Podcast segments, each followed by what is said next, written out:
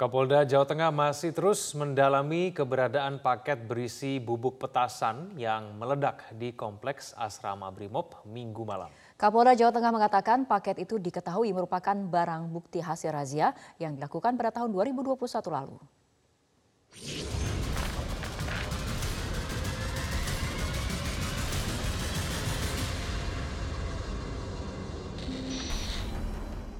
Suara ledakan kencang terdengar dari kompleks asrama Brimob Kabupaten Sukoharjo, Jawa Tengah minggu malam.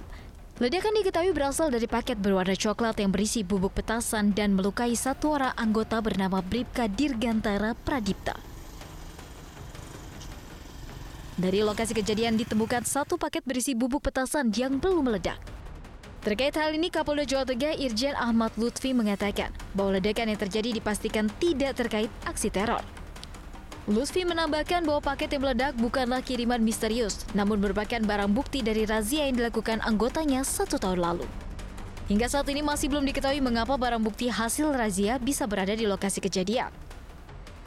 Anggota, saya tegaskan bahwa paket itu setelah kita lakukan penelusuran, penerima paket adalah orang lain. Jadi anak inisialnya adalah A yang posisinya ada di Klaten karena dia sering pesan online bahan mercon di Indramayu, kemudian anggota Handak Intel Polresta Surakarta melakukan rahasia, ditangkaplah mereka. Barang buktinya ini masih tanda tanya entah dibawa pulang atau diamankan di mako, makonya lagi dibangun. Nah kemarin itu meledak, artinya ini ada belum ada petunjuk yang mengarah benar bahwa pelaku ini, ulangi, korban ini sengaja membakar barang bukti atau pada saat karena situasi panas dibawa keluar terus meledak. Ini yang perlu pendalaman dari kita. Terkait hal ini, polisi sudah memeriksa tujuh orang saksi, di antaranya pengirim, penerima, dua anggota, serta keluarga korban. Sementara itu korban Bribka Dirgantara Pradipta hingga saat ini masih menjalani perawatan intensif di ruang ICU Rumah Sakit Dr. Muwardi Surakarta. Korban dilaporkan mengalami luka bakar hingga 37 persen dan luka terbuka pada kaki. Dari Sukoharjo, Jawa Tengah, Tim Liputan Metro TV. PD Perjuangan sampai kini belum memutuskan siapa calon presiden yang bakal diusung di tahun 2024. Namun Puan Maharani sepertinya sudah merasa menjadi capresnya Partai Banteng.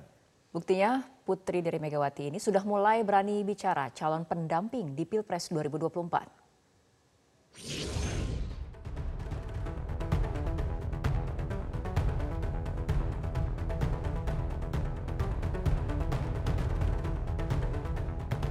Masa jalan ke mana-mana nggak punya calon ada yang diincar lah dia dari saya ini kira-kira gimana nih cocok nggak dengan Loh, dari dulu cocok gimana ya? Pernyataan Ketua DPP PDI Perjuangan Puan Maharani soal pendamping di 2024 itu terucap usai jalan bareng dengan Ketua Umum PKB Muhammad Iskandar minggu kemarin. Puan seakan-akan sudah merasa jadi calon presiden partai berlambang banteng padahal ketua umumnya belum memutuskan siapa jagoan yang akan diusung PDIP pada 2024. Namun apa yang menjadi harapan Puan itu diamini oleh Ketua Umum PKB Mohaimin Iskandar. Bagi Caimin, Puan masuk dalam radar pendamping di 2024 baik sebagai capres atau cawapres. Kita mendoakan Mbak Puan jadi presiden. Lo nanti tanya Pak Prabowo dulu. Tapi namanya perjalanan masih panjang. Nanti dites saja Prabowo ini, Puan Muhaimin, siapa lagi, mereka mana gitu. PD Perjuangan dan PKB punya sejarah panjang berkoalisi dalam kontestasi pemilu. Namun dalam konteks pemilu 2024 menjadi pertanyaan bila PDI Perjuangan berniat berkoalisi dengan PKB karena pada saat yang sama, PKB dengan Gerindra sudah membuat kontrak politik.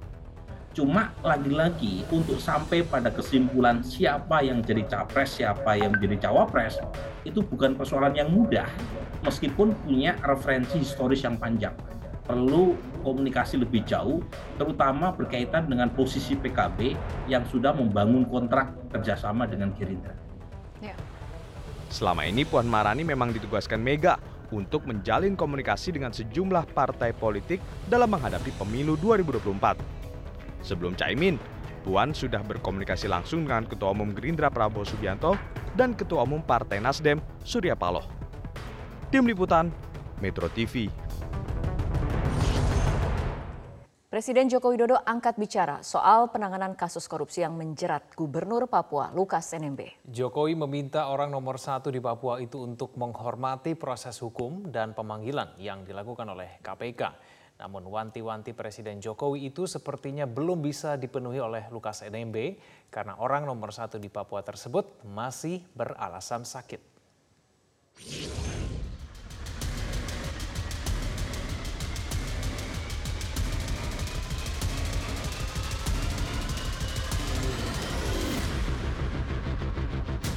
Rencana pemeriksaan Gubernur Papua Lukas NMB oleh KPK akhirnya sampai ke telinga Presiden Joko Widodo. Presiden mewanti-wanti Lukas untuk menghormati proses hukum. Jokowi pun menegaskan bahwa semua warga negara sama di mata hukum. Karena itu semua pihak harus menghormati proses hukum yang tengah berjalan di KPK. Sama saya kira proses hukum yang ada di KPK semuanya harus menghormati semua sama di mata hukum. Dan saya sudah sampaikan juga agar semuanya menghormati panggilan dari KPK, menghormati proses hukum yang ada di KPK. Semuanya.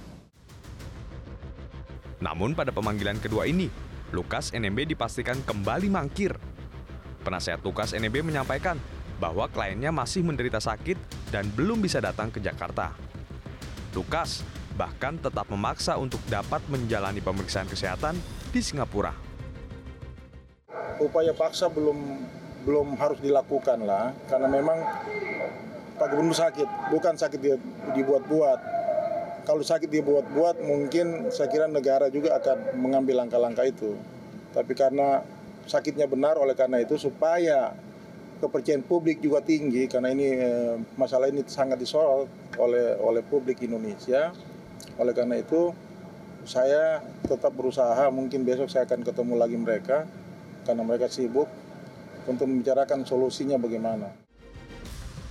Sambil menunggu kepastian kapan Lukas NMB bisa diperiksa, KPK di saat yang sama juga tancap gas memeriksa sejumlah saksi untuk mendalami dugaan rasuah yang dilakukan Gubernur Papua Lukas NMB.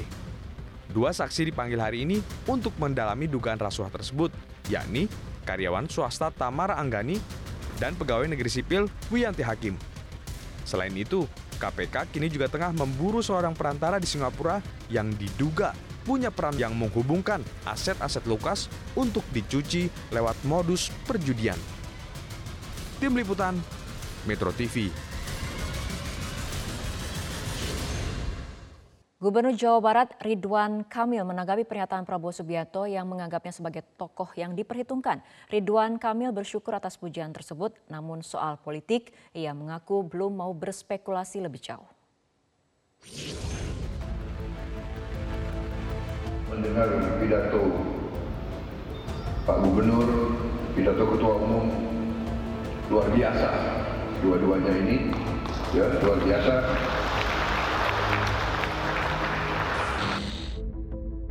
Ketua Umum Partai Gerindra Prabowo Subianto belak-belakan menyanjung Gubernur Jawa Barat Ridwan Kamil yang dianggap sebagai tokoh yang diperhitungkan.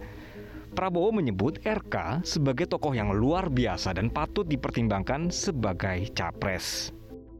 Menanggapi pernyataan Prabowo, Ridwan Kamil bersyukur atas pujian tersebut, namun soal politik ia mengaku belum mau berspekulasi lebih jauh.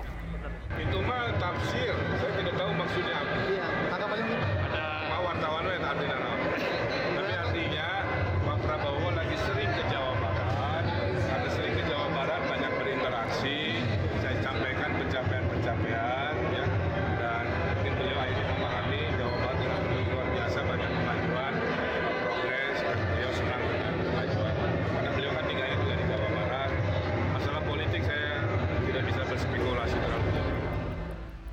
Sebelumnya, dalam sambutan di acara Muktamar ke-16 Persatuan Islam atau Persis di Kabupaten Bandung, Jawa Barat, Prabowo mengaku sedikit grogi mendengar pidato dari Ridwan Kamil dan Ketum Persis Kiai Haji Aceng Zakaria yang dinilainya sangat baik, terutama soal pentingnya menjaga persatuan di antara seluruh bangsa Indonesia. Prabowo menilai sosok Gubernur Jawa Barat Ridwan Kamil layak diperhitungkan potensi yang dimiliki dan dianggap patut dipertimbangkan sebagai kandidat capres mendengar pidato Pak Gubernur, pidato Ketua Umum luar biasa dua-duanya ini, ya luar biasa. Yang saya simak dari kedua pidato, sesuatu yang benar merupakan suatu benar merah. Kedua-duanya dengan cara masing-masing tapi mengungkapkan pentingnya persatuan di antara seluruh bangsa Indonesia. Prabowo menambahkan, kontestasi politik di 2024 mendatang memang menjadi menarik lantaran tantangan yang terjadi saat ini sangat berbeda jauh dengan 2014 dan 2019 lalu. Dari Bandung, Jawa Barat, Iwan Gumilar, Metro TV.